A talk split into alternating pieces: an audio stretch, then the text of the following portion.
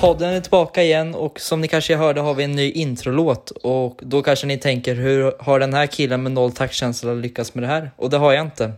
Eh, så jag tackar till min vän Arman Sedic som har hjälpt mig med det här och är det någon riktigt stor musikproducent som av någon anledning lyssnar på detta så kan ni väl skriva i min DM så löser vi det för en rimlig summa. Nej men skämt åsido, men du lyssnar på Bakom vitblå kulisser med mig, Olle Petersson, och jag har med mig Norrspins Tidningar sportjournalist David Ivung. Varmt välkommen tillbaka till podden. Hej Olle, tack! Hur mår du efter omständigheterna? Just nu är jag inne på min andra semestervecka i den eh, väldigt eh, svårandade luften här. Eh, så att, eh, jag har det bra. Jag har gått ner i varv faktiskt. Jag var i Norrland en liten sväng och nu ska jag iväg till västkusten här snart. Så att jag passar på att eh, försöka hemestra, som det heter, så mycket jag kan. Mm. Vad gör en journalist under coronatider? Eh, som sagt, nu har jag ju eh, semester så det har varit så mycket jobb men jag har svårt att släppa vad som händer, framförallt med IFK kanske då, helt och hållet. Att man hänger med vad som... Jag har sett alla matcher så här långt på TVn och till och med sett två live. Jag har sett Kalmar hemma och AIK borta såg jag. De andra jag sett på, på datorn då, då telefonen. Så att, eh, jag har inte missat så mycket av IFK utan eh, på det sättet är väl alltså vanligt att, att eh, man följer laget nära i alla fall. Mm. Um, ja, jag räknade ut att du var med 23 januari i podden i mitten av allt kaos i IFK, men vi ska göra någon slags sammanfattning från då till nu. Det har hänt otroligt mycket. Det får man ju säga, och till det bättre nästan bara för IFKs del. Det var ju en, eh, en jobbig vinter för IFK på alla sätt. Eh, på planen där man floppade i Svenska Cupen, man fick stryk mot Tvååker och inte minst det som hände utanför plan då med varslet med Mikael Hansson och styrelseavhoppet och allt som det medförde med, med lite skriverier och, och en, en, trupp då som vände sig mot ledningen där, att de liksom eh, var så villiga att gå, gå så långt till och med att gå ner i lön för att behålla Hedda. Så det var ju en, en, splittring där, det är ju ingen, det är ingen överdrift att kalla det för en splittring. Och sett till eh, från januari fram till idag så har det varit en, en spikrak kurva uppåt för IFKs del och det är bara att titta vart de ligger i den allsvenska tabellen. Så att, eh, och jag tror väl så här att om vi ska se krasst på det, att, att att, eh, att det inte blev en allsvensk start som var tänkt från början utan att IFK fick de här månaderna att jobba ihop sig. Det var, det var väldigt avgörande för vad vi ser idag i IFK. Mm.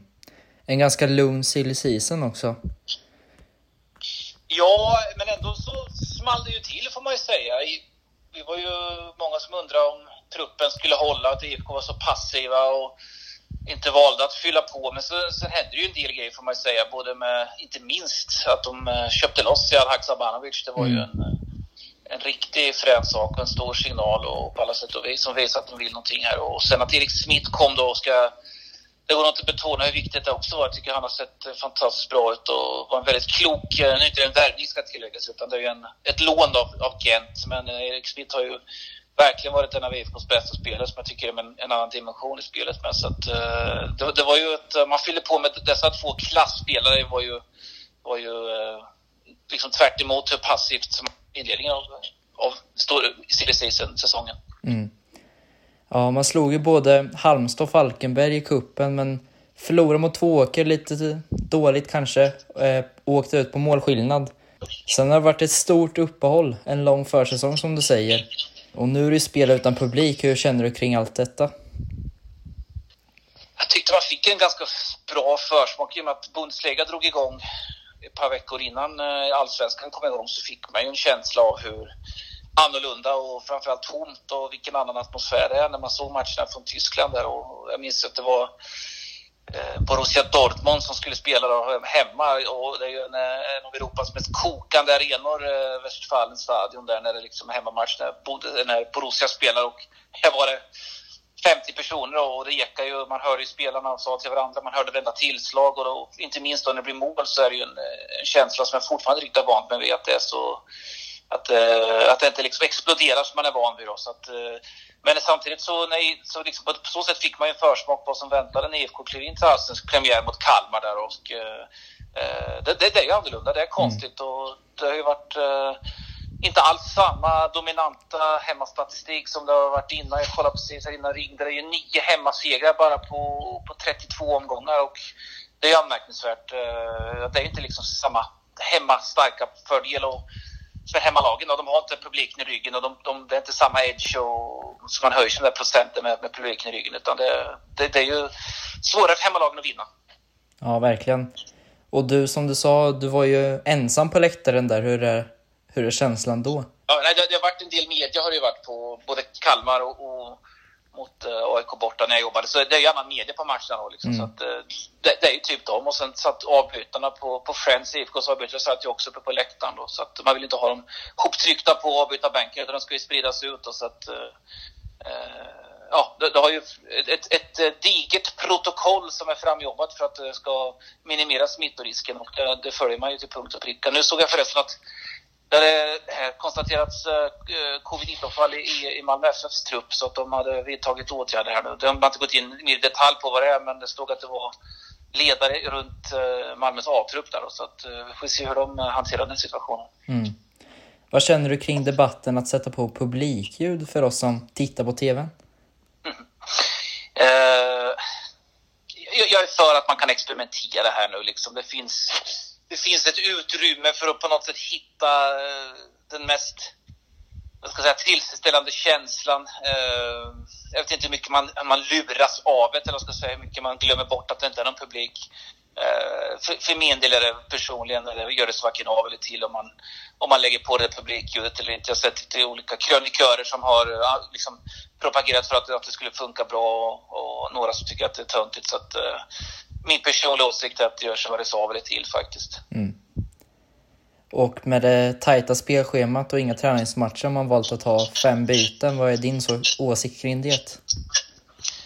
Ja, men det tror jag är bra. Uh, inte minst nu, men när, uh, när det har gått så lång försäsong som det har och man har inte fått den här tränings eller tävlingsmatcherna. Det är lätt att det går baklår, det är lätt att det blir skador. Och, och kunna ha två extra byten tror jag gynnar inte eh, absolut för att liksom på, på hämma eller på motverka skador. Och Jens Gustafsson var ju, pratade man om den här beslutet kom, han var ju väldigt positiv till, till beslutet att ha fem byten. Han menar att det kommer gynna svensk fotboll på sikt och kunna kasta in eh, framtida spelare i en, i en annan utsträckning. Det öppnar ju upp för att kunna göra det i en annan utsträckning. Att eh, slänga in en talang sista tio minuterna då och, och liksom på så sätt kunna matcha in dem i en allsvensk hetluft på ett sätt som inte möjliggörs kanske med tre byten. Mm.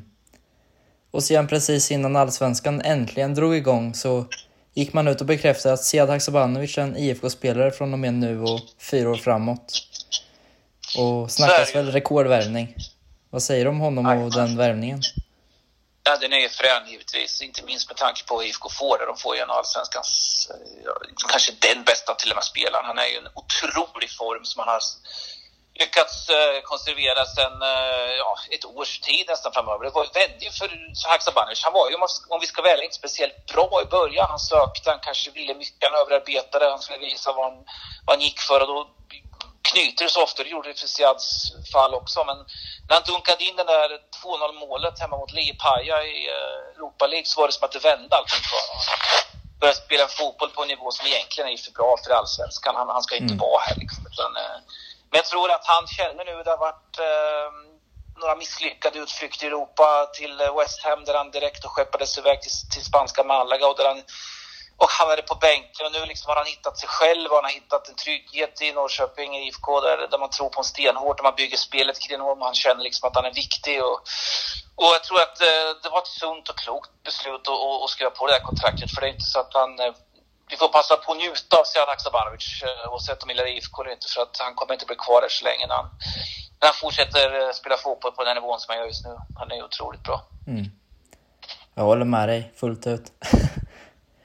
Sen fanns det ju en annan sida, den här eh, att de köpte loss honom givetvis. Men IFK gick ut där i samband med när de varslade Geda Hansson och, och, de skulle spara på folk, att, att, eh, eller skära ner på personal att, att, för att spara pengar. Att, ja, för att spara pengar och sen eh, har man haft personal permitterad och, och sen går man ut och ja, lägger väldigt, väldigt stora pengar på Selak Sabanovic. Så det var ju några som reagerade starkt och tyckte att det var ett visst hyckleri från IFKs sida då att uh, ifrågasätts vart de pengarna kom, kom ifrån när man, när man skulle spara bara för ett par månader sedan. Så att, uh, Eh, kanske ska tillägga det i sammanhanget att det, ju, det, var ju ett kontroversiellt beslut på så sätt. Eh, och Peter Hunt förstod det, men jag pratade med dem i samband med att de gick ut med att de hade värvat Siad på fyra år och eh, att han förstod att, att frågan ställdes, att folk tyckte att det var fel, eller att, att frågan ställdes hur de hade möjlighet att göra det med tanke på att de skulle spara mm. bara för ett par månader innan det.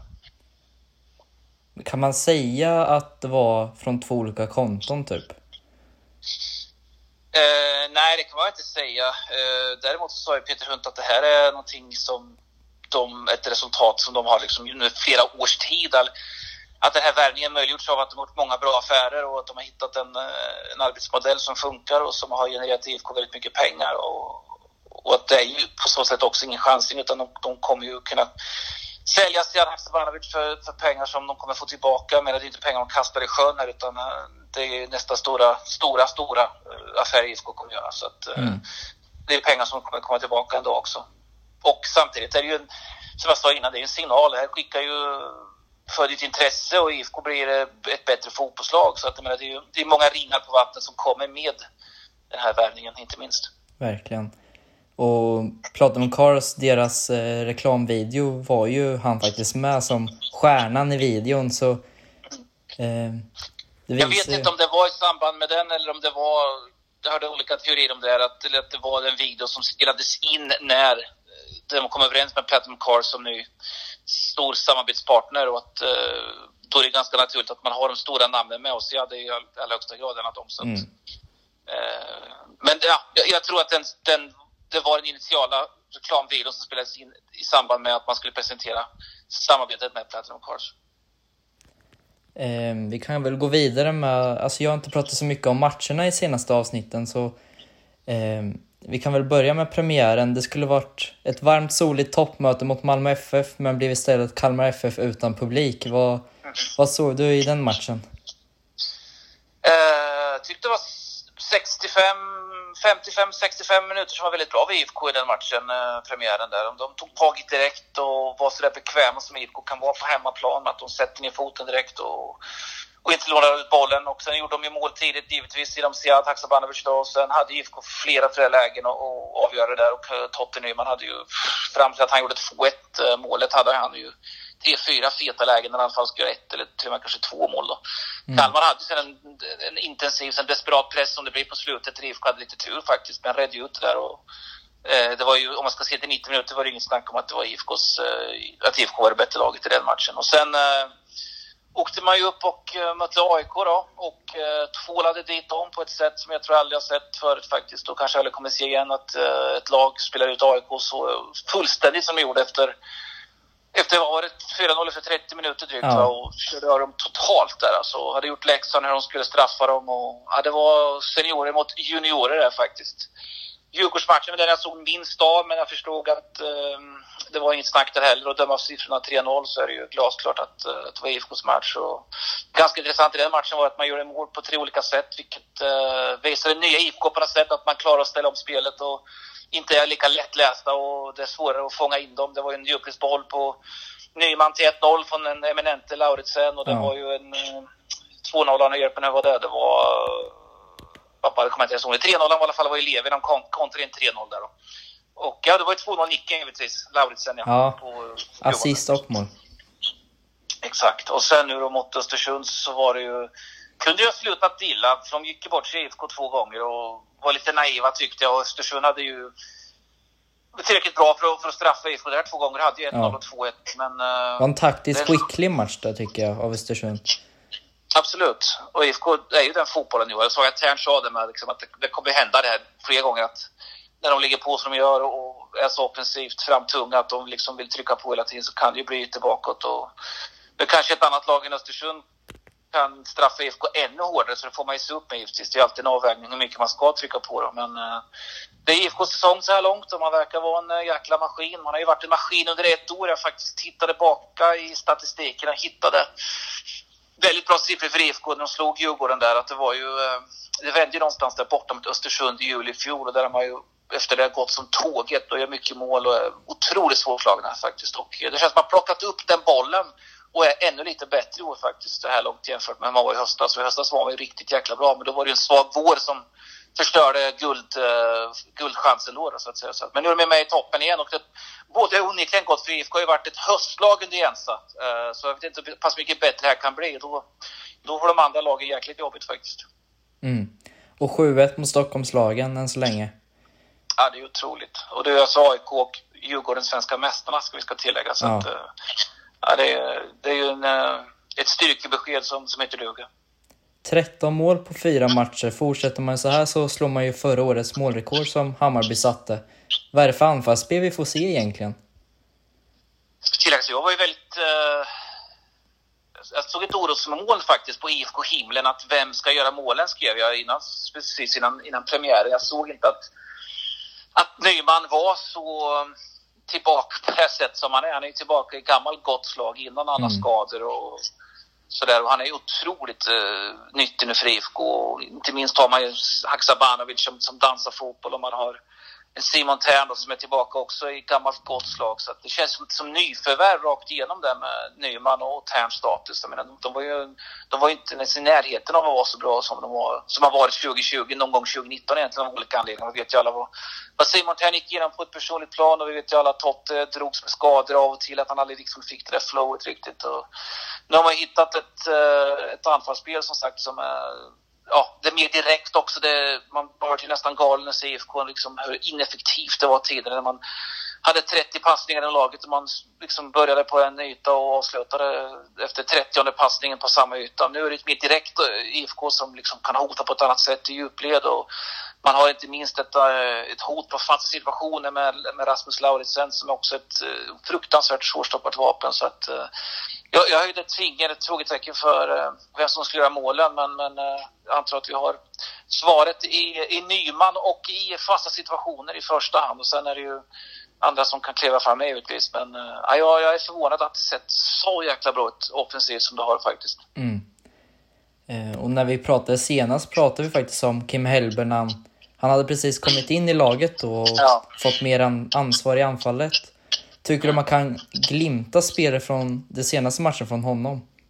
Jag tror att han har... Eh, det är inte många felbeslut IFK har tagit här. Vi skickar upp Kim Hellberg från Sylvia till IFK för att, för att för att liksom komma närmare laget och, och jobba med anfallsspelet. Och han har ju haft en, eh, ett övergripande ansvar för just offensiven. Och, jag menar, han var ju redan där i fjol och jobbade med den delen. Och det lossnade inte minst för Jordan Larsson då som eh, ja, gick från att vara iskall till att bli glödhet och såldes till, eh, till rysk, ryska ligan där. Och så, jag menar, han, det är klart Kim Hellberg har en del i det här och det räcker med att prata med vem som helst egentligen i IFK-truppen så är ju, det är inte direkt så att de sparar på på lovorden mot Kim. De tycker han är otroligt viktig och har lyft eh, och är liksom nästan avgörande för, för eh, IFKs spetsspel. Så att det är klart att han har en del i det. Ja. Lika mycket som Mats Elvendal har en del i att IFK är så fast, bra på fast situationer, att de är så jäkla ja, svårstoppade. Ja, men alla vet att Rasmus Lauritsen är en, kanske den bästa huvudspelaren i Allsvenskan. Ändå gör han mål varenda match, och, eller nära mål och hotar. Men det är ju för att de sätter upp bra spel så att han ska liksom fri, frigöras och de screenar och de sätter in bollen på rätt yta och attackerar på rätt sätt. Och det är ju, Mats Elfendal gör ett hästjobb där och scouta hur man ska bäst straffa motståndarna och så här långt har det ju slagit mycket, mycket väl ut. Vad är det som är så unikt med detta spel i jämförelse med hur det såg ut förra året? Det är fyrbackslinjen till att börja med. Man gick ju ner där och uh, på något sätt vill ha mer folk bakåt och det har Kastegren och Gerson har ju varit, eh, fast de inte är naturliga ytterbackar så har det ju slagit, slagit väldigt väl ut. Jag tycker båda sett mycket bekväma ut och ja, det är svårt att, att någon annan ska ta deras platser som de spelar nu i alla fall. Ehm, sen har man ju som sagt fått en pånytt för Tern då. Man har ju, med honom får man ju en annan fart på bollen och en annan kreativitet. Och, med Erik Smith eh, funkar det liksom inte att Tern går ner och hämtar boll och Erik Smith eh, och han har ju en otrolig split vision att kunna lägga bollar. Och Haksabanovic kan, vet vi, han kan ha tre man på sig och ändå liksom skapa ytorna och där framme är ju som sagt Nyman glödhet nu så att det fanns väl de här inslagen, ehm, minus då, liksom fanns väl inte där i fjol och det är klart att eh, det all, all, allt det här har bidragit till att IFK är en, en vassare offensivare enhet än vad de, än vad de var förra året. Mm. Och det bästa kanske är att IFK inte riktigt är i sin högsta form. Det kan bli ännu bättre. Jensen sa väl det till och med. Eh, att det finns saker att förbättra och inför Östersundsmatchen. Och det är klart att det gör det. Jag menar, eh, det är bara fyra omgångar som är spelade och det är lätt att sväva iväg. Jag känner ju så här att IFK är liksom det lag som har varit det enda lag som har varit så förberett som man egentligen kan begära för att gå in i allsvenskt spel. Det känns som att inget annat lag har tränat så bra som IFK. Inget annat lag har eh, tagit tillvara på den här extra perioden som man fick då och kunna slipa och träna upp sig både fysiskt och fotbollsmässigt på samma sätt som IFK. Jag tror att givetvis kommer de andra lagen bli bättre än vad de är nu, men då är det frågan om hur, hur stort IFKs poängavstånd det är när de andra lagen hittar sig själva så att säga. Mm. Så att, för varje omgång som går här och eh, de inte, Malmö FF tänker på kanske i första hand Hammarby som slarvar och tappade liksom 1-0 till 2-1 på stopptid mot Mjällby. Det, det, det, är sånt som kostar medan IFK då liksom en, en, en poängmaskin som bara öser på och vräker in mål. Så att, äh, jag har svårt att se att äh, den är, liksom, för varje omgång som går så kommer IFKs poängbuffert bli mer och mer mer och mer svåra att jaga kapp så att säga. Och igen, Jensens lag har varit höstlag under hans tid här så att uh, bäva månde säger jag. Mm. Eh, du har lyft fram Rasmus Lauritsen som gjort två mål och två assist på de inledande fyra omgångarna. Vad tycker du om honom? det är ju en, uh, det är en värvning som kanske kommer bli en av de mest lyckosamma IFK har gjort. Men killen var ju en dålig som spelade i danska andra divisionen och, och ingen visste vem han var. Och, kändes väl inte kanske som en given startspelare i IFK heller med en gång när han kom, utan han har ju sakta och jobbat sig in och, och hittat sin roll på alla sätt och vis här och är ju en kanonkille man som är omtyckt av alla både på och utanför plan. Lika trevlig och, och snäll och ödmjuk som han är utanför plan, lika tuff och hårdför och kompromisslös som han är på plan. Så att, eh, och det kom ju ett rykte igår, såg jag att eh, han har ögon på sig från Turkiet och det är inte så konstigt om en, en stenhård, eh, hårdför mittback som dessutom eh, ja, nästan är målchansgaranti varje gång han smyger upp på hörnor och frisparkar. Det är klart att han, eh, han är intressant för andra. Så där skulle jag nog vara, om jag vore IFK skulle jag nog redan nu börja försöka skriva ett, eh, ett nytt och längre kontrakt faktiskt. Han har ju mm. varit en, eh, ja, ett, ett kanonförvärv på alla, på alla plan. Och så gjorde du även en jämförelse med en gammal IFK-forward på Twitter. Nu får du påminna mig, jag twittrar så mycket nonsens vet du. Isak Kiese Thelin. Uh, ja, just det, det stämmer. Ja, när Lauritsen nickade dit 2-0 mot Djurgården där så kollade jag lite snabbt. Vet inte varför hjärnan och Twitterfingrarna for dit, men det stämde faktiskt att han med det målet hade gjort ett mål mer än vad Isak Kiese mäktade med under sin tid i IFK Norrköping faktiskt. Nu ska vi tillägga att Isak Kiese är en helt annan spelare idag. Han är ju... Ja, det måste man verkligen säga. Ja, han är ju en, gjorde som man är landslags, med i landslagsdiskussionen och har varit proffs och, och gjorde två mål senast mot, mot AIK. Båda på straff ska tilläggas, eller en straffretur och en straff direkt i mål. Så att, eh, det, det, är möjligt att, eller han är, Isak Kiselin, en betydligt vassare spelare idag än, än man var i IFK. Men det var bara för att sätta saker och ting i perspektiv. Hur, hur, hur målfarlig mittbacken är, mm. Rasmus Lauritsen. Den är, han är otroligt skarp på huvudet. Alltså. Han är ju så, inte speciellt lång och inte speciellt uh, bitig heller för den delen, men han har ju en sällsynt förmåga att kunna Hitta rätt. komma rätt i bollen och bli svårstoppad. Hund gick ut med häromdagen att det kan komma ytterligare en spetsvärmning här i sommar. Vem kan det vara och vart tycker du det brister i laget?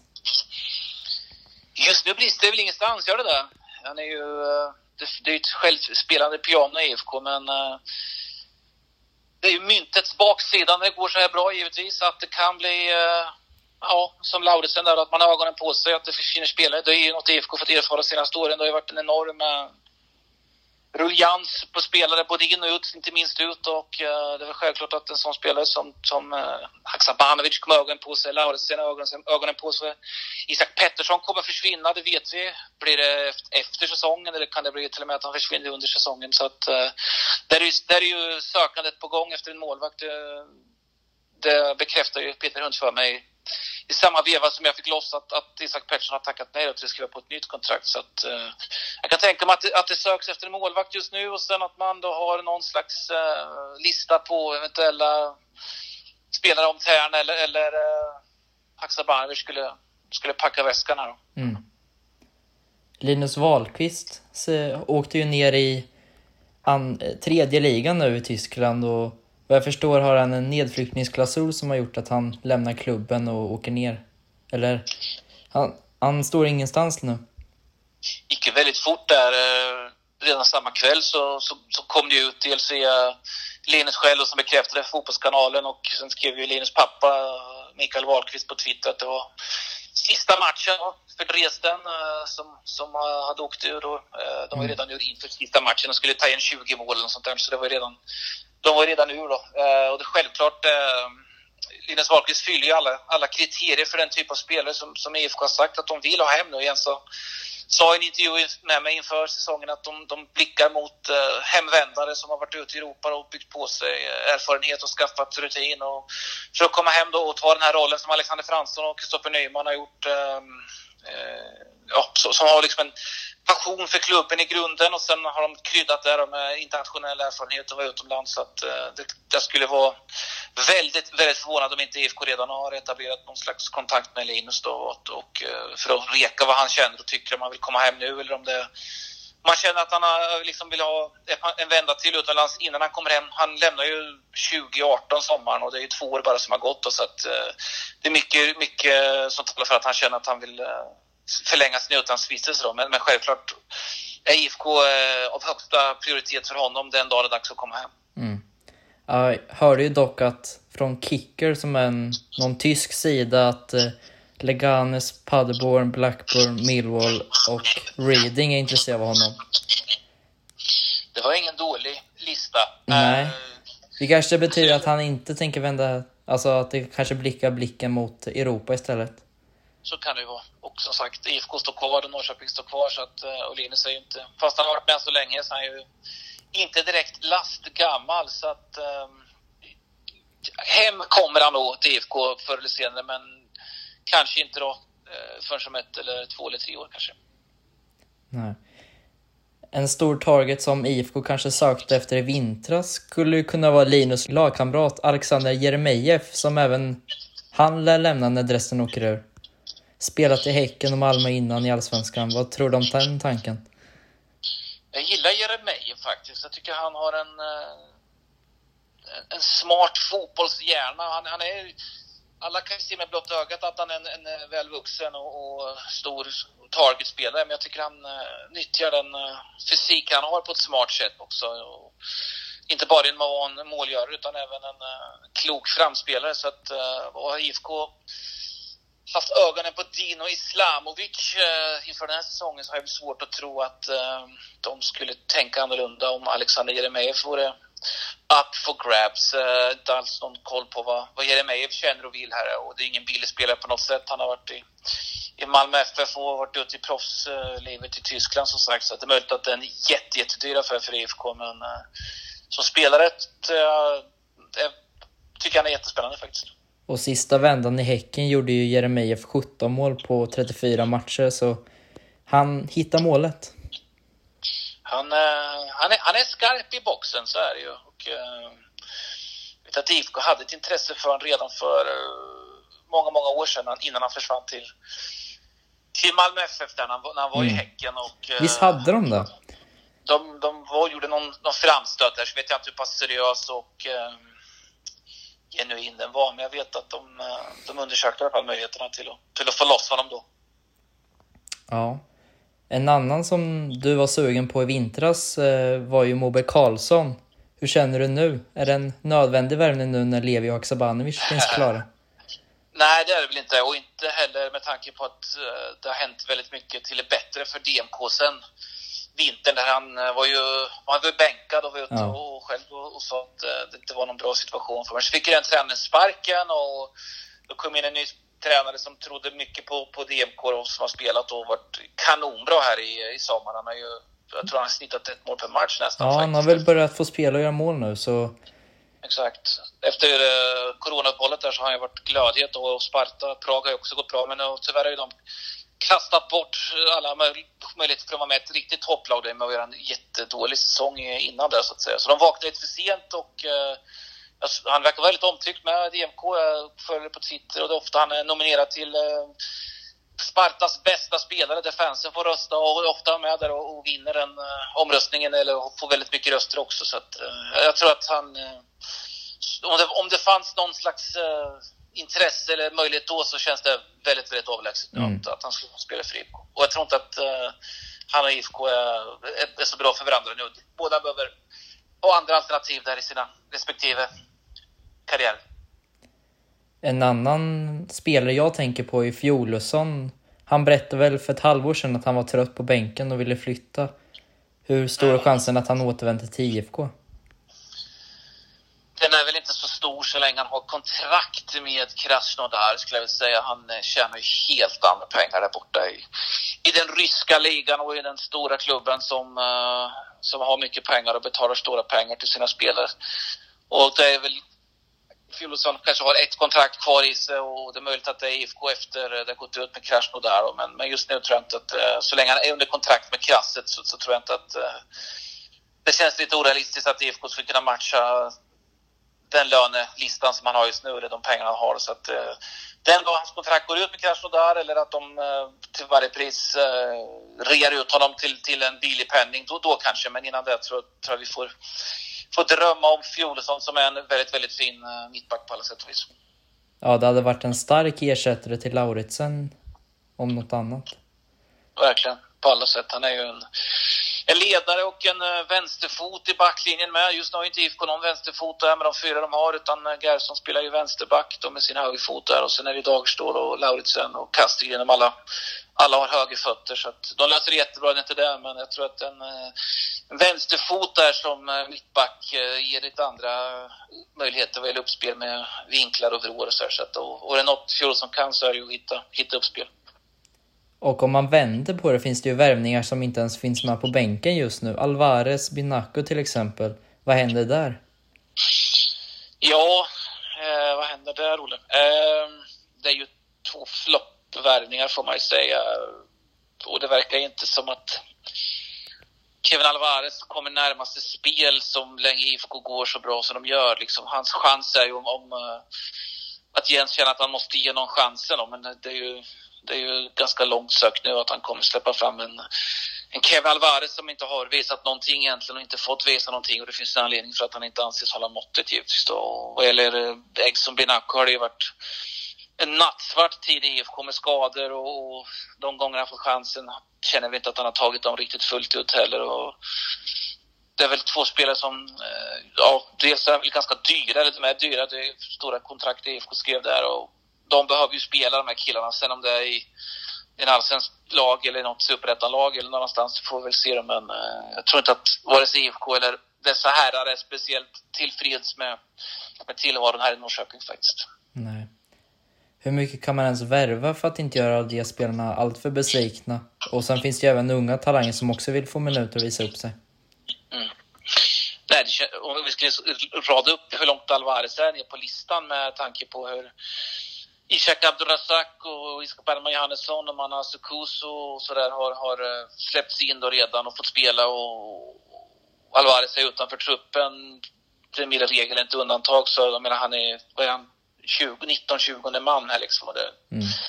det kan inte vara speciellt, uh, speciellt roligt. Och Eggson, uh, en frisk Eggson i toppform och slut Lars Krok Gerson, jag, jag ser inte att det kommer hända. Och, ska han konkurrera som mittfältare är det ännu svårare att ta en plats. Att, äh, det, det, det är tufft för både Exxon och, och Alvarez. Mm. Hur mycket... Och som vi var kritiska så är det ju, är det ju två floppvärvningar i IFK. Liksom. Mm. Det, det, är ju, det är ju inte alls lyckosamt. Jag undrar hur Malmö känner nu när de sålde honom. Det är ju, det är ju lite märkligt, men Exxon har ju fin CV med, han var ju Häcken och gjorde bra. Och sen Malmö FF köpte loss honom. Och nu är han IFK Norrköping, liksom tre av Sveriges största klubbar med störst plånbok. Så att man undrar ju vad, vad det är som har vad som har, vad som gick fel på vägen så att säga. Jag, jag hade stora förväntningar på Exxon och tyckte att det var en uh, spännande värvning då när någon signade honom. Men uh, ja, han har mycket att bevisa. Mm. Och sen har han inte riktigt fått chansen heller men uh det är väl, vi ser ju inte träningen lika mycket som Jens och de gör. Så. Nej, han äh, har lite att bevisa som sagt och det är svårt att slå sig in. Med. Det är ingen social verksamhet. Man kan inte bara spela spelare för att de som man tycker synd om för att de sitter på bänken utan han måste kriga sig in och då ska han som sagt slå ut Lars Krogh Gerson som är en av IFKs äh, nyttigaste, viktigaste spelare och det, det är tufft alltså. Och som dessutom aldrig är skadad nästan. Eller? Nej. Kan, kanske om man är avstängd då? Ja, jag menar det. Han drar ju en del kort ändå. Exakt. Hur mycket tror du man kan offra för ett SM-guld? På vilka villkor? Så att alla ska vara nöjda med det liksom. Ja. Eller- det är ju det är en elitklubb liksom. Du, du kommer aldrig hitta 22-23 man som alla tycker att tränaren är svinbra. Jag menar de här som, som inte spelar ska ju givetvis vara förbannade på Jensa och tycka att han har- fel liksom. Det, är- och det är ju det är på något sätt motorn i hela, hela verksamheten, att det är en konkurrenssituation om det. Så att, uh, jag frågade Jens om Exxon misströstar, för han var ju inte med i truppen efter de två första matcherna mot Kalmar AIK. Då menar han att uh, misströstar man efter två matcher, då, då, är man, då har man fel inställning och fel mentalitet. Och det, det, har, det köper jag väl också, men man kan, man kan ju ställa samma fråga efter 15-16 matcher om man inte spelat en enda allsvensk sekund, hur, hur han ser på det då. Liksom. Men, Mm.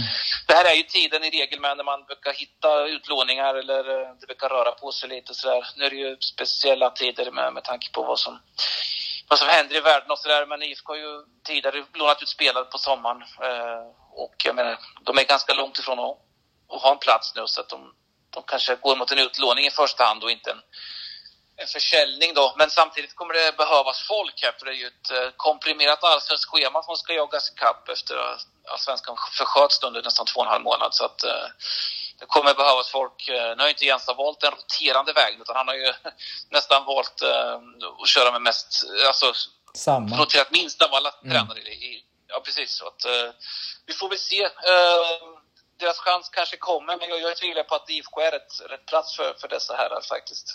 Jag tror att de behöver gå någonstans för att känna sig som, som viktiga spelare. Mm. Isak Pettersson gick ut för två, tre veckor sedan att han inte kommer skriva på ett nytt kontrakt. Och vad jag förstod så trivs han i staden och laget. Det, det är inga hard feelings utan mer att han vill testa vingarna. Eller har jag tolkat fel? Nej, så är det ju. Och det var väl ingen bomb i sig, även om det var en ganska stor nyhet när den kom givetvis. Allsvenskans bästa målvakt tackar nej då till en förlängning av kontraktet. Det är klart det blir en stor nyhet då, men Mm. det har väl pekat ditåt med tanke på att IFK har så länge försökt att få till den här kontraktsförlängningen, men det har inte blivit av. Och då, då har man väl kunnat tolka det här ganska tydligt mellan raderna att eh, det blir inte så. Då. Och eh, Isak, jag pratade med honom faktiskt efter Kalmar-matchen där och att, eh, han sa att eh, det kommer bli vare sig problem att hålla fokus på vad han ska och, och det kommer liksom inte kunna vara något problem att hålla liksom den nivån uppe som man, som man har haft här för, efter det här beskedet utan han kommer trumma på vad på det IFK som gäller och, men han känner att han vill han vill ha något annat och det är väl svårt att klandra honom efter nivån och han har visat upp och det spelarna har visat upp att han vill testa något annat än allsvenskan och, men sen ska det ju till en, en klubb också. Det är lite märkligt eh, att han att det inte har varit mer rykten, att det inte har varit mer spekulationer runt Isak Pettersson får man säga, för han har ju varit eh, utomordentligt bra. En, eh, en fruktansvärt duktig målvakt. Tror du inte att det hade varit smartare att förlänga med tanke på situationen i världen? Man vet ju att spelare som till exempel Milosevic som har gått kontraktlös hela karantänstiden och inte har någon lön. Det är ju en risk också.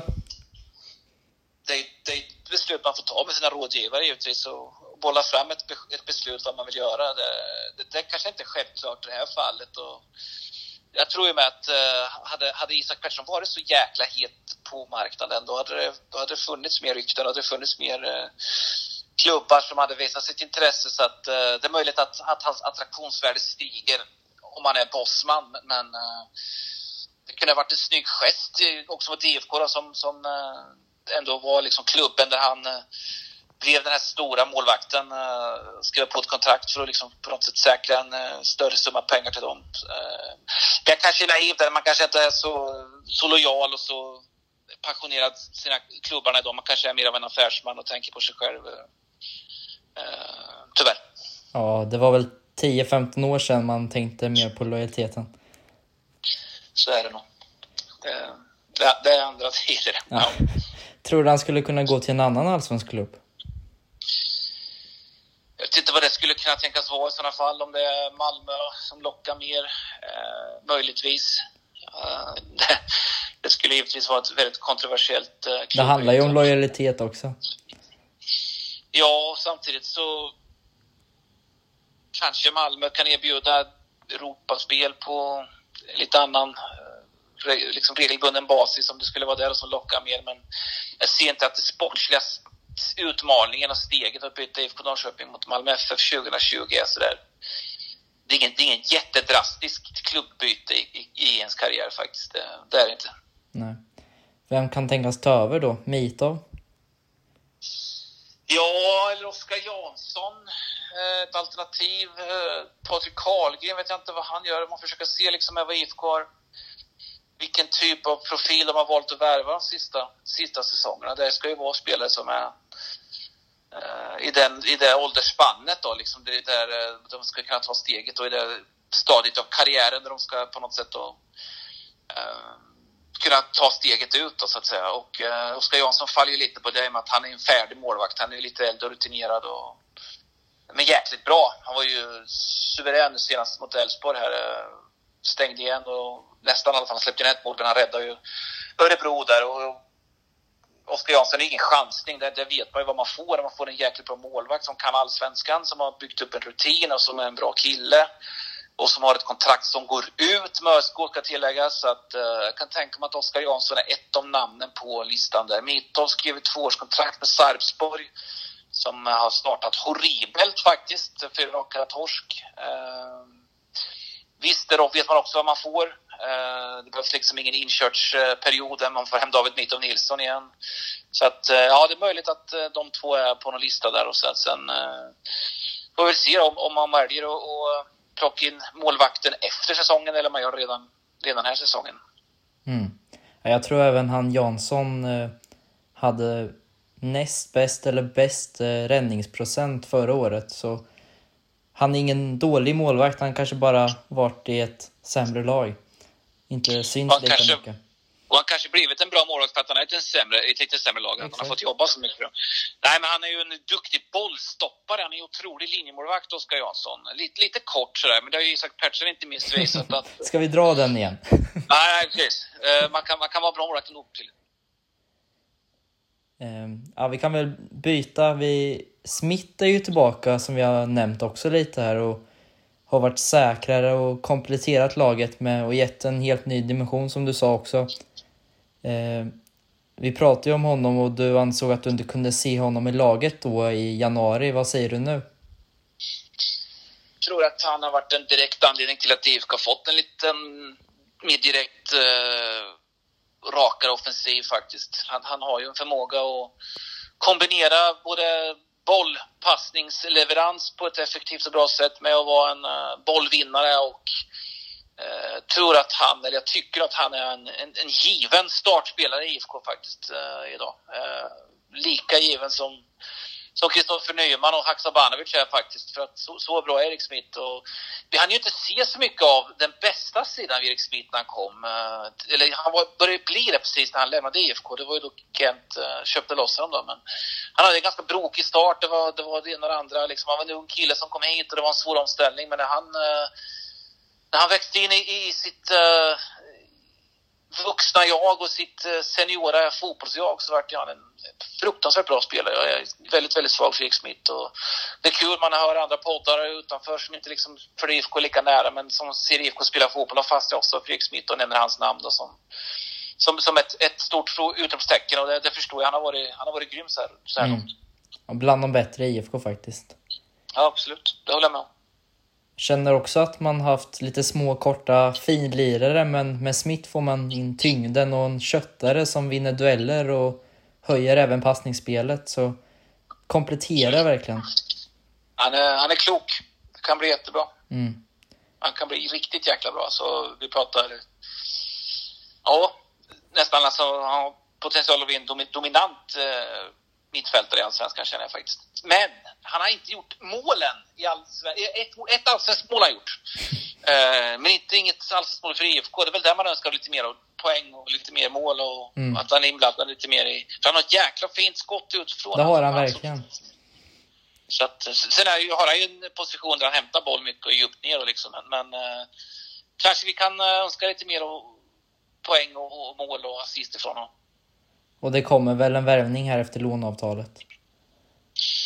Jag har svårt att se att Gent helt plötsligt skulle ändra inställning och uh, hålla honom då liksom som någon slags spelare som de behöver i sin trupp. Det, är ju, det, det är ju, funkar lite annorlunda och man kan ifrågasätta hur det funkar utomlands. Det känns inte som att de har liksom för avsikt att uh, använda spelarna och värver, framförallt inte i belgiska ligan och i Gent. Och det Erik Smith är en i raden av spelare som på något sätt hamnar i en tidigt och snabbt hamnar i, i en frysbox och glöms bort liksom då, nästan. Och, det är svårt att se att, att, ehm, att Gent skulle, hur bra en Erik Smith är här i Sverige nu faktiskt, känna att han ska tillbaka. Då tror jag att IFK inser att hur pass viktig han är. Men så att det, det låter som att det, den affären ska kunna gå genomföras uh, eh, utan några större problem. Sen att det kanske kostar en slant givetvis, men uh, jag, jag, tror att uh, Erik Smith spelar kvar i IFK även nästa säsong. En annan spelare som visat sina bästa sidor är Tern som varit briljant i starten av Allsvenskan. Hans kontrakt går ut efter den här säsongen. Vad händer med honom? Välkommen tillbaka Simon Tern får vi säga. Det var, det var ju ett eh, väldigt eh, motigt år för honom eh, 2019 på alla sätt. Inte minst på ett personligt plan givetvis. Det märktes ju även på fotbollsplan där, där det inte var mycket... Han, han, var ju... Det var ingen bra säsong liksom. Det är inte så konstigt när man, när man går sådana matcher som han gjorde då vid sidan av plan så att säga. han har ju varit kanske den bästa spelaren uh, jämte Haksabanovic och Erik Smith i, och hela allsvenskan. Men han sköt eh, målet som öppnade slakten mot AIK på Friends och han klev fram med det otroligt viktiga 3-2 målet eh, mot Östersund på stopptid och liksom de, de aktionerna som man, som man har förväntningar på när det gäller Simon Thern och, och, som man liksom trodde att han, den spelaren skulle vara som drar det lasset då. Och nu gör han ju det och lite till skulle jag säga. Han har ju varit eh, briljant så här långt och jag hoppas att han för sin egen skull och för IFKs skull kan, kan bibehålla den den rollen då, den nyckelrollen som han har. Men, men det känns ju inte som att uh, det, det, känns tror jag som att det är sista han gör i IFK den här säsongen faktiskt. Sen tror jag att uh, att, att det blir uh, tillbaka till södra delar av Sverige eller mot, mot Stockholm då, där hans och, och, och ta familjen med. Så då är det kanske i första hand ett familjebeslut än ett, ett fotbollsbeslut. Och sen får vi se vart karriären fortsätter. Men jag tror inte att det blir mer spel i IFK efter kontraktet går ut. Det tror jag inte. Nej. Kan man få pengar för honom i sommar tror du? Det har ju varit eh, spekulationer i fjol eh, att, och även innan det, och grekiska ligan och sådär. Eh, nu går ju kontraktet ut som sagt i ett halvår bara. Tiden tickar ju på, man glömmer ju bort det liksom. Att, att halva säsongen försvann där nästan. Så att, eh, det är bara ett halvår kvar på kontraktet och då är det ju svårt i regel att få ut så mycket pengar som man vill då. Eh, så att eh, jag tror inte det finns några jättepengar för IFK att få. Eh, och det skulle det finnas ett bud har man ju en jäkla delikat frågeställning vad man ska göra. Ska man sälja för att få pengar eller ska man behålla vad är just nu i alla fall en av seriens och IFKs bästa spelare. Det, det, det kan hända att IFK hamnar i den frågeställningen är inte alls omöjligt. Tror du att han själv kan känna att det ändå finns något som lockar hos IFK? Han kom ju hit uh, till IFK, det ska man inte glömma bort. Uh, för, för att han såg en potential och någonting som kunde göras här som jag vet han sa vid presskonferensen när han presenterades att han är här för att, för att ja, kunna utmana om ett guld. Då, liksom. och det, det, är klart att han, eh, han ser eh, möjlighet till det. Och det vill bara kolla tabellen nu, vad, vad är IFK på väg att göra? Så att eh, svara på den frågan. Det, det är IFK som är laget man ska jaga nu. Det är maxpott på 12 poäng och de spelar fantastisk fotboll. Och han spelar, har en nyckelroll i, i en tidig guldkandidat. Så att jag tror att han, eh, han trivs ganska bra med tillvaron just nu. Och klart han säger det, han vill ju alltid vinna guld. Och, men på Friends Arena i studion så lät det ju som att han var sugen på att vara kvar och kanske få det här sista guldet innan han lämnar. Vi får väl se vad som talar för om IFK vinner guld och kanske han känner att han har gjort sitt här. Eh, eller om IFK är nära och hotar hela vägen in som han gjorde 2018 när man eh, nosade AIK hela vägen in.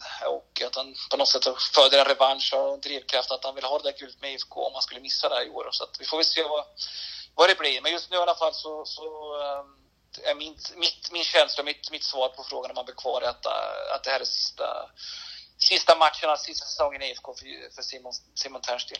Mm. Och det är självklart mycket spekulationer men eh, ja, det är därför man har poddar. Exakt. Och eh, det, det, blir mer spekulationer nu, för nu går vi vidare till Jens har ju haft lite rykten också i norska nyheter. Experter har satt ut tre namn som ska kunna ta över som tränare för Rosenborg. Och Jens var ett av de tre namnen och kanske inte helt ogenomtänkt med tanke på att Jens beundrat Rosenborg sedan man åkte ur CL-kvalet mot dem.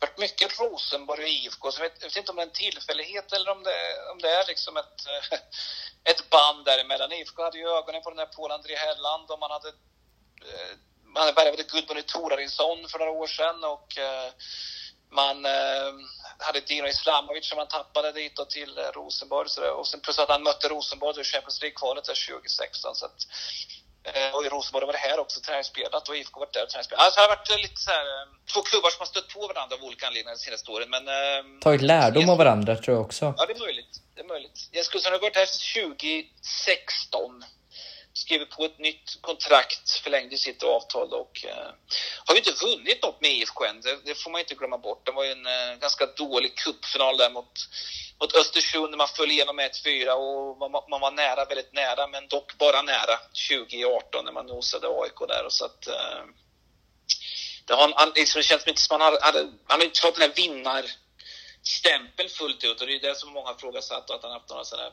uttalande, inte minst han gjorde en intervju med mig där så sa han att uh, det är inget som driver honom att vinna titlar utan uh, han vill lämna över IFK i ett gott skick och det är utveckling och sådär. Och där har ju på något sätt delat IFK-supportrarna i två läger som många tycker att han uh, att det är helt fel signal han skickar när han, när han säger det där och många som hyllar Jens då för inte minst sportchefsjobbet som han har gjort. Jag menar, utan honom hade inte IFK byggt upp den här fina, fina plånboken som de har och värvningarna av Niklas Eliasson och Daniel Moberg Karlsson och Simon Tern och den listan är ju ganska lång nu med, med namn som säkert inte hade hittat hit med, om inte Jens Gustafsson hade varit tränare för IFK. Då. Så att eh, visst kan han väl kanske känna själv någonstans också. Fyra år är ganska länge, var på samma ställe i, i fotbollen idag och eh, det är möjligt att Rosenborg känns men faktiskt som ett lämpligt nästa steg. Det är inte en större klubb, men det är en större klubb, men det är inget jätte, jättesteg ändå mot IFK 20, 2020. Så att, eh, det är mycket möjligt. Det känns inte orealistiskt att, att han skulle vara ett namn för, för Rosenborg. Och då ju, ja, vi var inne och nosade lite på det, men det har ju pratats en del om att IFK inte roterar så mycket under matcherna. Och ett lag, bland annat Helsingborg, bytte sju spelare från en match till en annan och man har roterat minst i allsvenskan. Kan det ge tillbaka till att det går bra nu i början, men att man inte orkar? Det känns som att det det är mer media som har eh, gjort en grej av det här. När man, de gånger jag pratat med spelarna och med Jensa så, här, så har de nästan viftat bort det, att den, liksom, det är överdrivet att det skulle vara så tufft spelschema med tre matcher i veckan. Utan de har varit inställda på att de har förberett sig för det. Och sen liksom blivit en stående fråga i alla sammanhang att hur ska ni orka, ska ni notera? Och liksom IFK har valt att inte rotera och de har 12 poäng in på kontot. Andra klubbar som har valt att snurra mer, de har inte alls gjort lika bra. Eh, IFK har byggt upp en, en skön eh, poängbudget här när man leder med sex poäng efter fyra omgångar. Det är ju, ett, eh, det är ju liksom en remarkabel utveckling på, skulle jag säga. Sägs att IFK inte har så bred trupp. Ja, möjligt att så är fallet, men samtidigt så får de här spelarna, Isak Bergman Johannesson, Abdul, Abd, Isak Abdulrazak, de får sin nyttiga speltid. Så när de är liksom när det är dags att få mer speltid, kanske till och med som startspelare, så blir inte steget in, chocken blir inte så stor. Så att eh, det är väl svårt att liksom anmärka på något beslut IFK har tagit runt hur man matchar laget och använder truppen som fel för så här långt. Det, har ju varit klockrent så här långt. Och jag reagerar lite på kommentatorn sa eh, Ja, nu, eh, nu är det match igen här nu. Eh, det var en veckas spel. Alltså, nu har, ni vänt, nu har ni fått en liten vilopaus här på en vecka. Så här, kommer ni kunna ta tillbaka eller hade ni velat spela ja, men tight matchande. Det är liksom en vecka, det brukar väl vara så i vanliga fall. Mm. Jag tror väl att uh, när man är i det flowet och flytet IFK har så de skulle kunna spela match varje dag faktiskt. Så kan de väl svara på frågan om, de ska rotera. De, de kanske hellre väljer att spela match varje dag istället. Så att, uh, sen hade IFK ett, uh, ett bra program får man ju säga. med fyra, i den bemärkelsen att de har av sex första matcherna har man fyra hemma. Och på hemmaplan går IFK väldigt, väldigt sällan mållösa, väldigt, väldigt sällan poänglösa. Ingen vill egentligen komma till Östgötaporten och inte minst nu när man är så jäkla vassa som man är i IFK. Så att, uh, det finns uh, i alla fall goda, goda förutsättningar att bygga på den här uh, segerraden till och med till kanske sex raka segrar. Det är Elfsborg och, och Blåvitt här som kommer närmast. Mm. Eh, och med tanke på att det är just fem byten, vem ser du mest spännande i truppen? Vem hoppas du på i år? Jag vurmar ju och fortsätter vurma för Pontus Almqvist. Jag ser ju att det är enorm frän potential där i eh, den killen alltså, men uh, får inte riktigt igång det på det sätt som, som man tror, önskar och vill, utan det är skador och det är inhopp mest och halvnära att göra mål. Och jag tror han behöver sätta det där första målet för att få det liksom oket av sina axlar så kan den lossna på allvar sen. Men nu är det tufft att slå sig in som en av de tre där framme. Som det ser ut med en strålande Nyman och en dominant Haksabanovic och Jonathan Levi som, okej, okay, blandar och ger lite, men jag tror inte vi har sett det bästa av honom än. Så att, eh, det är väl på Levis plats då kanske Almqvist kan, kan få lite mer speltid, men det är lätt att de tar den också. Det, det, talang, liksom stämpeln, den har liksom falnat hos Almqvist. Han behöver visa nu liksom att han är att han kan ta tillvara på, på den här fina talangen, den här fina kroppen och steget och box som han har, för han är jäkligt grym där alltså. Det, ja, mm. jag hoppas att, att det kan lossna för honom. Och jag trodde att du skulle säga någon annan, för jag tänker också på Pontus Almqvist. Det är något i honom. Jag känner att det finns något internationellt i honom. Han, är, han har otrolig potential med spänst och speed och han måste vara bland de snabbaste i Allsvenskan, men otroligt fin vänsterfot. Lite lik Mobe Karlsson. Så är det. Nej, men det är dags att visa den också. Bara att han får vara skadefri och få förtroendet kommer det nog bli bra. Det har hetat så länge, men det måste, det måste levereras nu också. Det är dags. Mm. Och i år spelar man med ju många unga spelare och det är ju fem byten och så. Det öppnar ju upp för honom kanske. Ja, men jag har varit skadad där. Efter premiären var ju min kollega Kenny nere på Bollis och tränade och då klev han av skadad och sen var han borta mot AIK och sen, ja, det blir, det blir inget flowigt liksom, mm. tyvärr. Bra insats mot ÖFK här, sista minuterna. Han är ju han är rationell och svårstoppad liksom. Det är inget snack om det, men uh, jag, jag, jag kräver mer, se mer. Du får väl avsluta detta avsnitt med tippningen vi alla väntat på. Vart hamnar IFK i tabellen?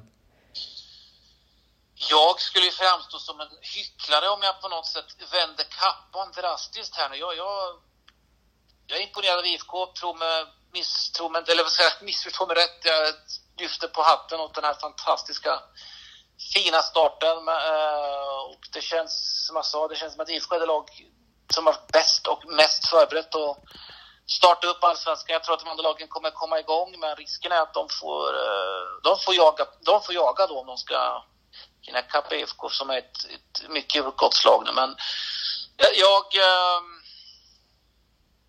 tror inte att det blir något... Eh,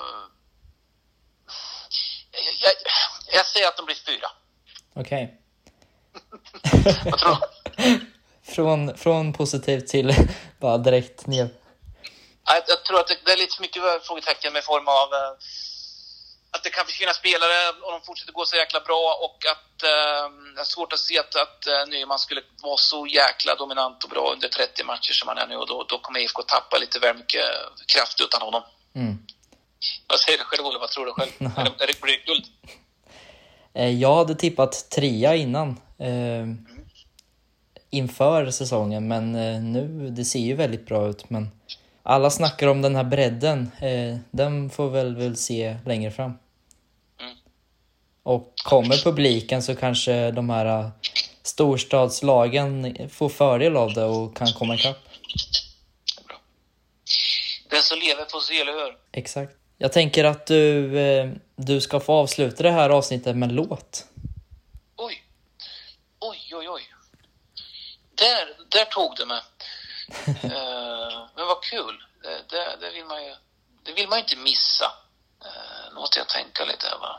I, I dessa sommar och ändå tuffa tider så rekommenderar jag att lyssna på Bill Fay med The Healing Day. Bill Fay, The Healing Day. Det är, det är en melankolisk, hjärtskärande vacker sak. Då gör vi det.